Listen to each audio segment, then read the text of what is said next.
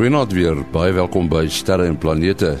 Professor Mati Hofman en Willie Koorts is uh, vanaand by ons. Natuurlik ook Kobus Olkers met ruimte weer. Maar voor dit ruimte nuus wat uh, elke week geskryf word deur Herman Turin in Bloemfontein. Vele struikelblokke en gevare word voorsien vir mense wat die maan besoek. Maar een van die grootste probleme kan maanstof wees. Reeds met die eerste bemande maanlanding was dit duidelik dat die maanstof ongewoon is. Behalwe dat dit die ruimtepakke gou oordek het en die landingskapsule in so mate ingedring het dat die bemannings wat regstreeks met dit in aanraking gekom het, dit kon voel. Dit het 'n spesifieke reuk ook. Volgens een ruimtereisiger ruik dit soos ou as, maar met 'n paar druppels wat daaroor gestrooi is.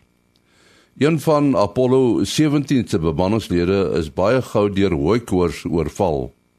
'n Groot probleem is dat een van die verskeie soorte oksides waaruit die maanstof saamgestel is, waaronder die hoogs toksiese silikonoksiede, boonop maak die okside die helfte van die maanstof uit.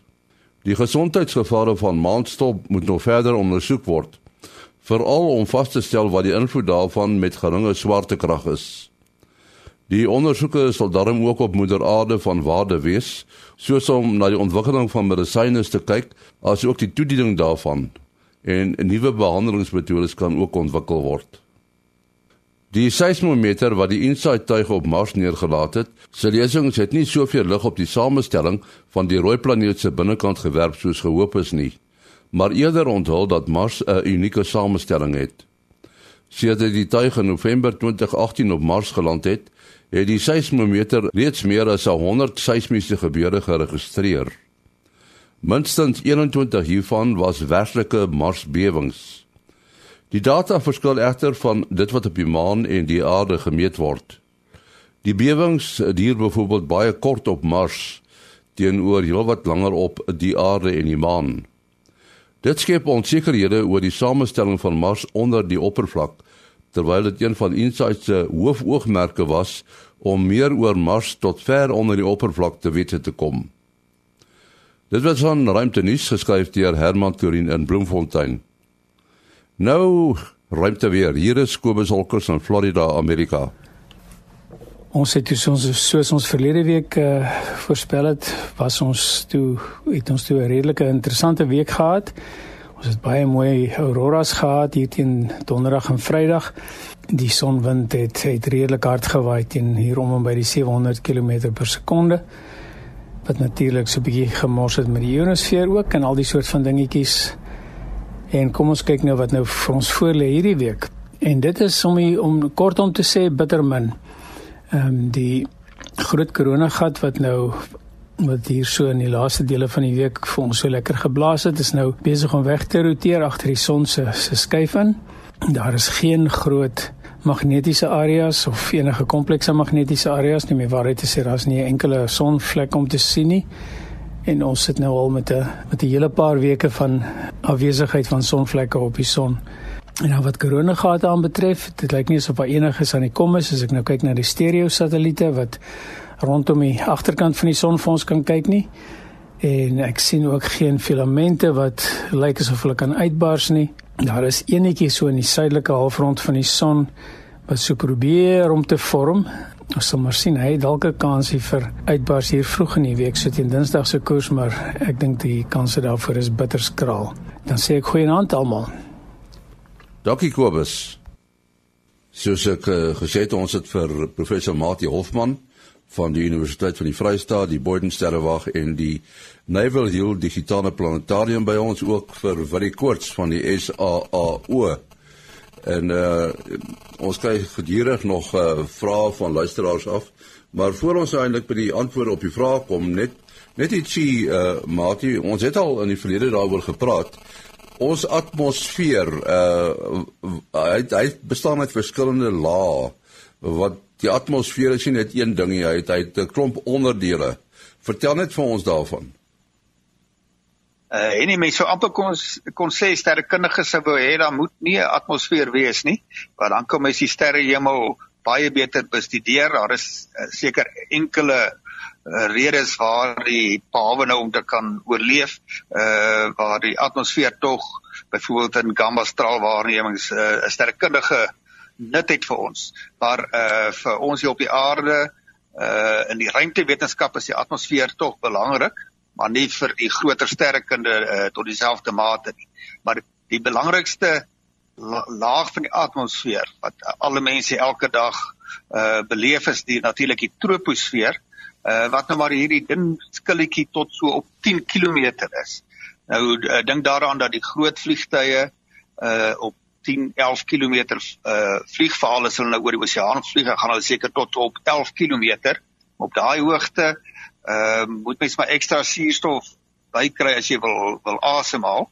Hier op die uh oppervlak van die aarde is die digtheid van die atmosfeer uh baie hoër Nou bo die trap, uh, troposfeer, dan kry jy nou 'n dik laag wat tot so kom ons sê amper 50 kilo uh, kilometer gaan. Dit is die stratosfeer. Nou die stratosfeer as jy daarso wou opereer, dit is nou ouens wat byvoorbeeld hierdie baie baaghalsige vryvalle doen. Mens dink nou aan nou uh, Felix Baumgarten wat in 2012 het hy was daar die stratosfeer optred op 39 km uitgespring. Maar dan het jy nou jou suurstof toe 'n uh, uh, silinder nodig. Uh dit is baie koud daarso. Ehm um, om die waarheid te sê, uh, hoor jy in die atmosfeer gaan hoe kouer word dit? Ek dink die koudste deel kry jy hier omtrent wel hy, hy varieer eintlik baie ingewikkeld. Op 20 km val dit na uh, minus 20 grade toe. Ehm uh, dan styg dit weer en daar waar die mesosfeer begin op 50 km is dit weer 0 grade en dan uh deur die mesosfeer tot op so 80 km of amper 100 km daal die temperatuur weer tot -85 grade. En daarna begin die termosfeer. Uh daar sal jy nou die heel laag liggende sê nou maar die spionasie satelliete al kry. En dan die lae aarde satelliete opereer daar in die eksosfeer wat nou etlike 100 km kom ons sê hier so van uh 500 km uh af uh hulle bane het. Baie raaiselagtig so op die eerste oog opslag is dat die temperatuur van die atmosfeer weer baie hoog raak daarbo. Dit beteken nie daar's baie warmte nie omdat die die digtheid so baie laag is. Ek dink dis feitelik 'n vakuum. Dis net so as analoog aan die son se korona wat miljoene grade Celsius temperatuur het, maar dis eintlik anders as 'n baie uh, warm vakuum. Nee, absolute vakuum nie, maar baie naby daaraan. Ja, nou die atmosfeer se lastigheid as dit nou by die sterrekunde kom is die omdat daar turbulensie in die atmosfeer is. En dan absorbeer die atmosfeer baie lig dit uh, uh jy kan nie die sterre so so helder sien nie veral nie as daar baie vog in die atmosfeer is nie. En van daai tegniese aspekte van die hoe mens die atmosfeer moet bereken in sterrekunde is 'n ou soos Willie natuurlike ekspert Uh ja, ja, want dis 'n mens nou net dink van die wêreld se sterrewagte is is is is met 'n spesifieke doel baie hoog gebou. Ons dink byvoorbeeld aan die Manukai wat uh, uh, infrarooi uh, uh, waarnemings doen en hulle is hier naby die 4000 meter. Op daai hoogte kry jy al dat van die infrarooi straling word deurgelaat tot op daai hoogte of of self bietjie laag en uh um, waar ons ja, op Sutherland dit, dit is nog in die dit is nog in die troposfeer maar daarom so amper halfpad al deur die troposfeer. Ja, ja, ja, in Sutherland is ons byvoorbeeld op 1750 meter en en ons is nie heeltemal regtig genoeg genoeg op daai hoogte uh uh, uh of hoog genoeg om om om daai straling uit te sny nie. Ja, mens wonder hoekom nou jy so eh, die vrae is al baie gevra, hoekom is Sutherland waar hy is en uh hoekom gaan bou hulle nie iets op iets uh soos Kompasberg wat wat baie hoog is nie. Ja, ja, die vinnige klompie redes eintlik die eerste is natuurlik ver van ligbesoedeling, lig soos in soos in ligte stadsliggies uitbreiding en so aan. En ons wel ons kan deesdae heelwat die gloed van Woester in Kaapstad kan jy kan jy maklik eintlik sien en met moderne kameras kan jy dit sommer afneem. Uh toe Lafras daar gekuier het nou die dag het ons moes ons nader aan ons ons skote beplan dat ons nie te veel van die gloed op die horison inkry nie. Um, so dis natuurlik die hoofrede. Die ander rede is dat hulle lê op die grens van die winter en somerreënvalstreek. So dit beteken dat jy nie 'n dominante tyd van die jaar wat dit bewolk is nie. Um so uh, ons kan dink in die Kaap gaan jy jou jou winter hemel verloor want dit is ons dominante reëntyd uh toe dit nog gereën het. En en in die binneland uh, uh het jy dan weer somerreën. So dan gaan jy jou somermaande se sterre uh, mis want ons soos om die son beweeg deur die jaar sien ons natuurlik verskillende konstellasies uh, wat dominant is. En um so is dit omdat dit op die grens van die winter en somerreënvalstreek is uh, uh is die uh, reën of bewolktheid redelik versprei uh, eweredig reg oor die jaar. So dit dit is daar's nie 'n tyd van die jaar wat ons eintlik uh die die naghemel regtig verloor nie. En uh um en dan natuurlik die die atmosfeerse stabiliteit wat Martin nou nog gepraat het van die uh, turbulentie en wat ook al so die sterkundiges gebruik 'n term met die naam van seeing en seeing is so 'n uh, 'n uh, uh, meting van hoe hoe hoe hoe min turbulentie of hoe, hoe baie turbulentie daar is as mense dit baie eenvoudig wil stel. Daar's ook toetse vooraf gedoen om te kyk hoe stabiel is die atmosfeer en en en Sutherland eh, is in in vergelyking met van jou bet, van jou beste sterrewagte in die wêreld wat wat dit dan betref. Ja, en dan nou die hoogte bo see speel help 'n bietjie uh omdat ons minder atmosfeer het om om deur te werk. Maar uh, ja, dis maar die die hoofsaaklike faktore hoekom Sutherland uiteindelik gekies is. Mate jy daar 'n uh, interessante woord gebruik vir uh, hierdie Engelse woord seeing, sigruis. Is is dit die, die Afrikaanse vertaling daarvan? Dis hoe ek dit geleer het. Uh, ek het dit nou nog nie persoonlik in die sterrekunde woordeboek van De Klerk gaan kontroleer nie. Ehm um, maar dit maak vir my uh, uh, sin want dit gaan oor dit veroorsaak geraas in jou meting. As jy nou 'n ster gaan meet uh, met behulp van 'n teleskoop met 'n fotometer of met 'n CCD kamera dan jy geraas op jou meting uh, statistiese geraas uh, omdat die atmosfeer veroorsaak dat die ster se beeld uh, bietjie bietjie rondspring antwoorde die lesing is nie so mooi konstant as wat jy graag wil hê nie want jy kry meer of minder lig van die ster in jou jou sirkeltjie uh, of jou opening waar binne jy waar binne jy jou meting doen. Jy sal mos uh, as jy 'n opening gebruik met 'n fotometer dan kies jy 'n klein gebied uh, rondom die ster sodat jy daarom al die ster se lig uh, insluit. Maar as die ster nou 'n bietjie rond dans dan gaan jy elke nou dan 'n bietjie van daardie lig verloor uh, so dit veroorsaak 'n geraas in jou meting. Uh dit verswak jou wat mens jou noem jou sein tot geraas uh verhouding. Ja, ek het 'n kollega wat ook elektronika in Afrikaans geleer het en hy gebruik ook altyd die woord ruis. O, o, o, ek het nou so al van die Engelse wêreld groot geword. Maar ons sê noise, maar dit is dan presies so eintlik 'n baie goeie skepping hierdie of of as dit nou nie 'n skepping is nie, dan is dit 'n baie mooi woord, se geruis, ja. Nou ja, ons het 'n luisteraarsvraag ontvang van Koos Swart. Uh hy is daar van Somerset Wes. Dit is 'n bietjie van 'n lang vraag. So uh, luister maar mooi. Hy sê ek weet dat die ontleding van die lig wat van 'n bepaalde sterre afkom 'n groot klomp inligting inhou wanneer dit met 'n prisma gebreek word in die kleure van die reënboog. Die swart absorpsie lyntjies bepaal watter elemente daar op die ster teenwoordig is en die rooi verskywing sê vir ons teen watter tempo die ster van ons af wegbeweeg. Hy sê dan en nakies daar's nie baie wat nader aan ons beweeg nie. Dan vra hy is daar. Nou as 'n mens na daardie populêre foto kyk wat deur die Hubble teleskoop geneem is, die een waarop die miljoene sterre en verskeie sterrestelsels te sien is, en dan verwys jy na die hoofstuk in ons boek Sterre en Planete, dan besef jy dat dit nie eenvoudig sal wees om die lig van 'n bepaalde ster af te skerm vir ontleding sonder om die lig van baie ander sterre op die foto te kry nie. Die een moontlikheid sal waarskynlik wees om 'n ondeursigtige skerm voor die lens te monteer met 'n klein gaatjie in wat net die een ster se lig sal inlaat. Die ander moontlikheid sou wees om die teleskoop se sigveld drasties kleiner te stel sodat net die een ster se lig deurskyn. En nou is die vraag, hoe doen julle dit? Uh, ja, nee Koos het hierso uh, uh, die vraag baie goed geformuleer.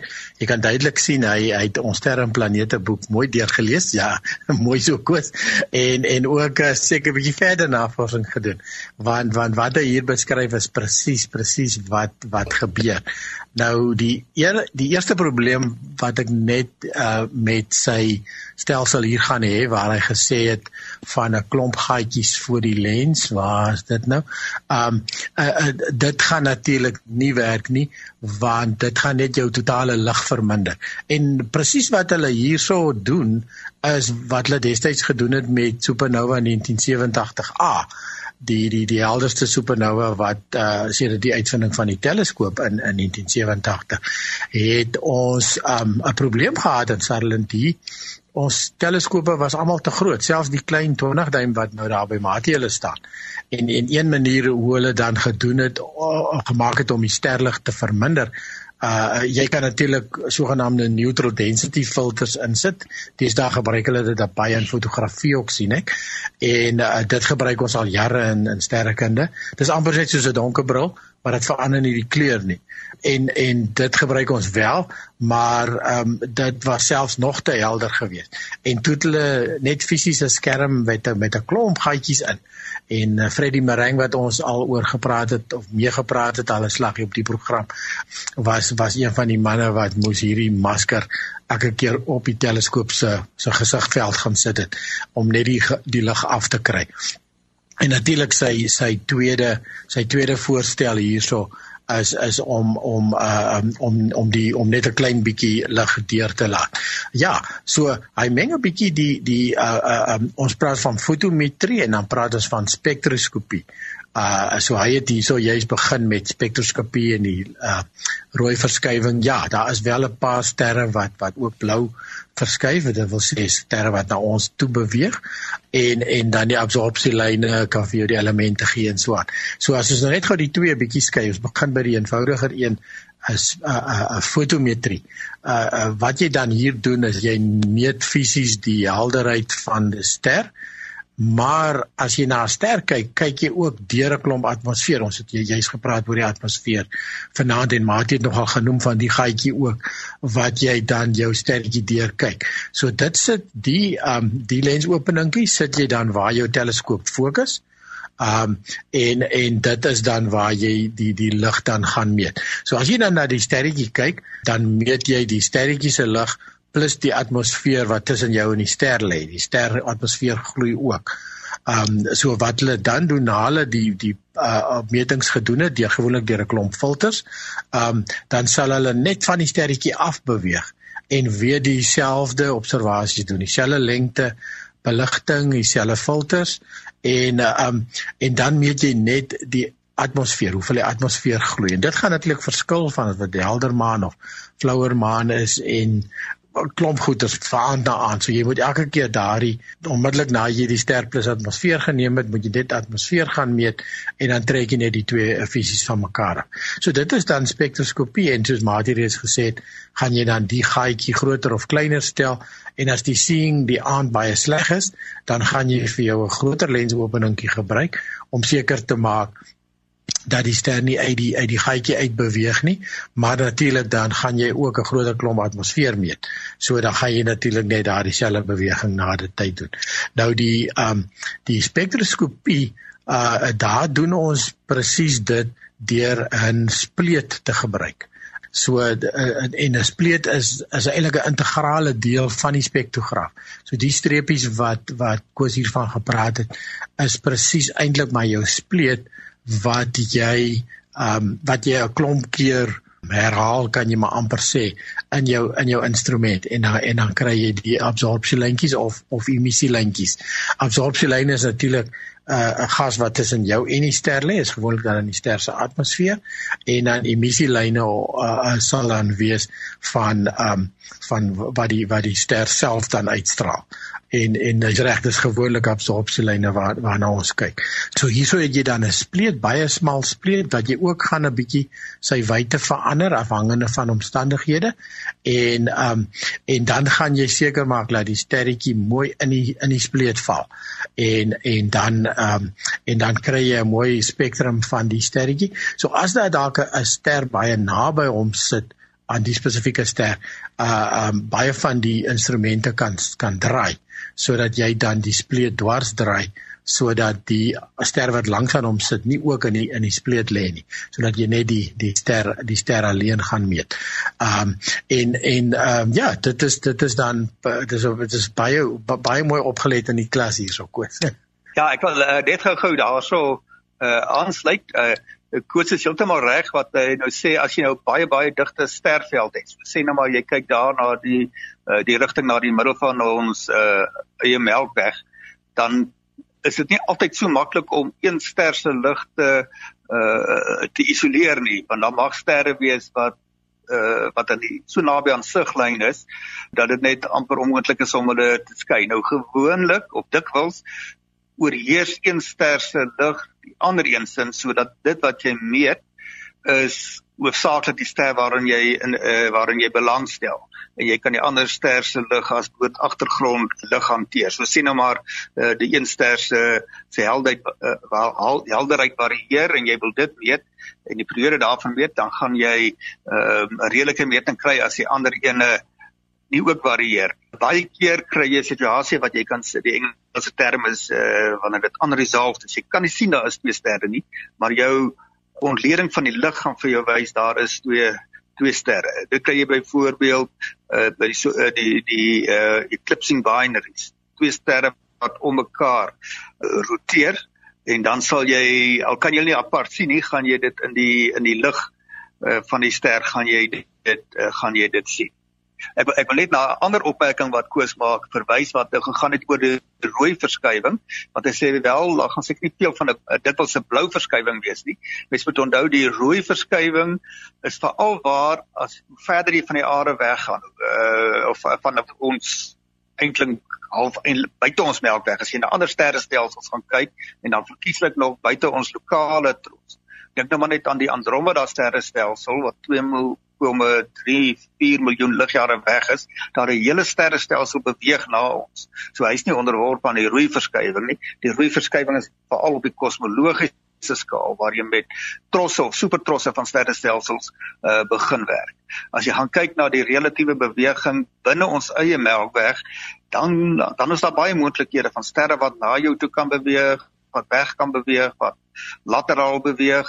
Uh daar's met die waarheid te sê so 'n animasie wat vanaf die Gaia teleskoop se metings van die, wat wat hulle die beweging van die wat dink ek 2 miljoen sterre uh, in die in die Melkweg bepaal het en dit dan uh gaan animeer en te sien maar hoe gaan dit in die volgende paar miljoen jaar verander. Dit is nogal 'n duisende van bewegings in allerlei rigtings. Die groot beweging is natuurlik alles saam uh wat roteer rondom die uh rondom die middel van ons uh Melkweg. En dan wat mens uh ook 'n gedagte kan hou as mens nou na die sterre wat kyk kyk wat nou redelik naby aan ons is en die relatiewe beweging tussen uh ons en daai ster is klein, dan kan jy kry dat die rotasie van die ster die oorheersende faktor uh raak. Waar die een kant van die ster weg van ons af kan beweeg en die ander kant van die ster na ons kan beweeg. Dit is byvoorbeeld natuurlik die geval in ons is uh, uh in ons son waar jy die rotasie van die uh, son sou kan uh duidelik aantoon in die Doppler effek.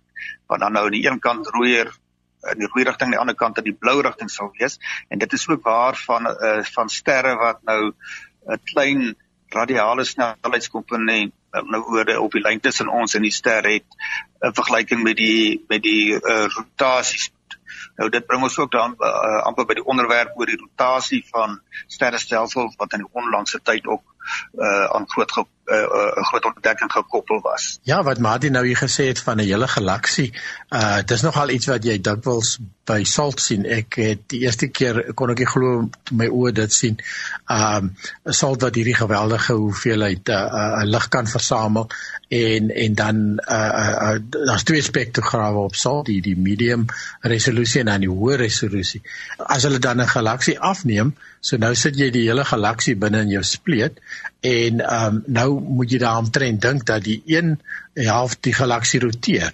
So die een helfte van die of die een kant van die galaksie is na jou besig om na jou toe te beweeg en die ander kant is besig om weg te beweeg. Dan maak hy spektrum so so 'n S-figuurtjie. Uh waar jy kan sien die een kant is rooi verskuif en die ander kant is blou verskuif. So dit is 'n baie interessante manier wat jy dit direk kan waarneem. Ek het nie besef mense kan dit amper sê ek met jou blote oog sien nie. Dit was baie interessant geweest. Ja, en natuurlik die ander ding wat ehm um, koes hierso van praat is ook wel word ook wel gedoen 'n masker met gaatjies in. Nou in in in salt as hulle dan 'n sterveld bekyk of noem dit nou maar eintlik 'n galaksieveld uh, uh want uh, daar's daar's um uh, velde in die, in die naghemel waar daar 'n hele paar tiene of honderde galaksies in die in dieselfde veld sit en en in plaas van hulle een een te gaan meet soos wat jy nou met met uh, spectrums met 'n uh, uh, fotometrie doen kan jy natuurlik met 'n met 'n CCD kan jy nou alles gelyk afneem en dan jy kan natuurlik ook fotometrie doen op 'n gewone op CCD beeld want jy het klaar die ster plus die naghemel net langsom. So jy gaan agterna en jy doen net die sommetjies. So dan gaan jy jou jou klein lensopeningkies basies op jou rekenaar trek en nie meer uh fisies in 'n in 'n instrument nie. Maar as jy dan oor 'n hele 'n hele veld met 'n klomp galaksies in het en jy wil sommer hulle almal gelyk uh gebruik om 'n spektroskopie op te doen. Uh in plaas van net een spleet waar jy dan jou een of voorwerpe miskien sal dan nog langsaan ook weet uh, uh gaan sit. Um sny hulle dan 'n masker. Ons het 'n spesiale laser snyer in die, in die Kaap wat dan 'n masker sny en dis ook interessant hoe die hele stelsel uh, geautomatiseer is. So hulle het sagte ware geskryf wat dan vir jou hierdie veld sien en dan in die veld weet hulle presies waar sit galaksies. En dan sal hulle klein spleetjies gaan sny in hierdie masker. Uh, en die maskers daar's 'n hele klomp van hulle hulle sit bo in die instrument en hulle is nou almal ge, ge, gestreepies kode. Uh so hulle weet as hulle daai veld wil bekyk dan gaan hulle net daai masker insit. Dan moet hulle die teleskoop opstel in daai rigting. Hulle moet seker maak dat ten minste dan een van die galaksies deur die gaatjies kyk en die res val sommer dan ook aan hulle speletjies eintlik dan. En dan kan hulle onmiddellik 'n hele klomp um galaksies gelyktydig van uh van 'n uh, uh, uh, spektroskopie doen. Um en in ander plekke in die wêreld, ek het gesien in die Sloan Digital Sky Survey in in in Arizona in Amerika of New Mexico, het hulle uh, optiese vesels wat dan wat dan ge, gesit word. Weer eens gebruik hulle 'n vooraf gesnyde masker. So die vesels word aangeplak op die regte dinges op die regte plekke. Maar daar is selfs instrumente wat klein robotjies het wat hierdie um, wat hierdie uh, optiese vesels gaan skuif en hulle op die regte plekke gaan sit waar die galaksies lê. So as hulle dan die teleskoop mik na daai veld toe, dan val daar 'n galaksie in elkeen van hierdie optiese vesels en hulle kan 'n paar honderd galaksies gelyktydig op spektroskopie doen. Ja, Koos het natuurlik 'n ander vraag gevra oor posisiebepaling, maar die tyd laat ons ongelukkig nie toe om uh, aandag aan die vraag te gee nie. Ons sal hom oorhou vir 'n volgende keer. Uh wil jy dit hoor, wat is jou besonderhede? Uh ja, mense kan bel WhatsApp SMS 072 4579208. 0724579208. En dan Mati? Uh 0836257154. 0836257154. En dan my e-posadres maas.henny@gmail.com. maas.henny@gmail.com. Volgende week praat ons weer. Alles van die beste.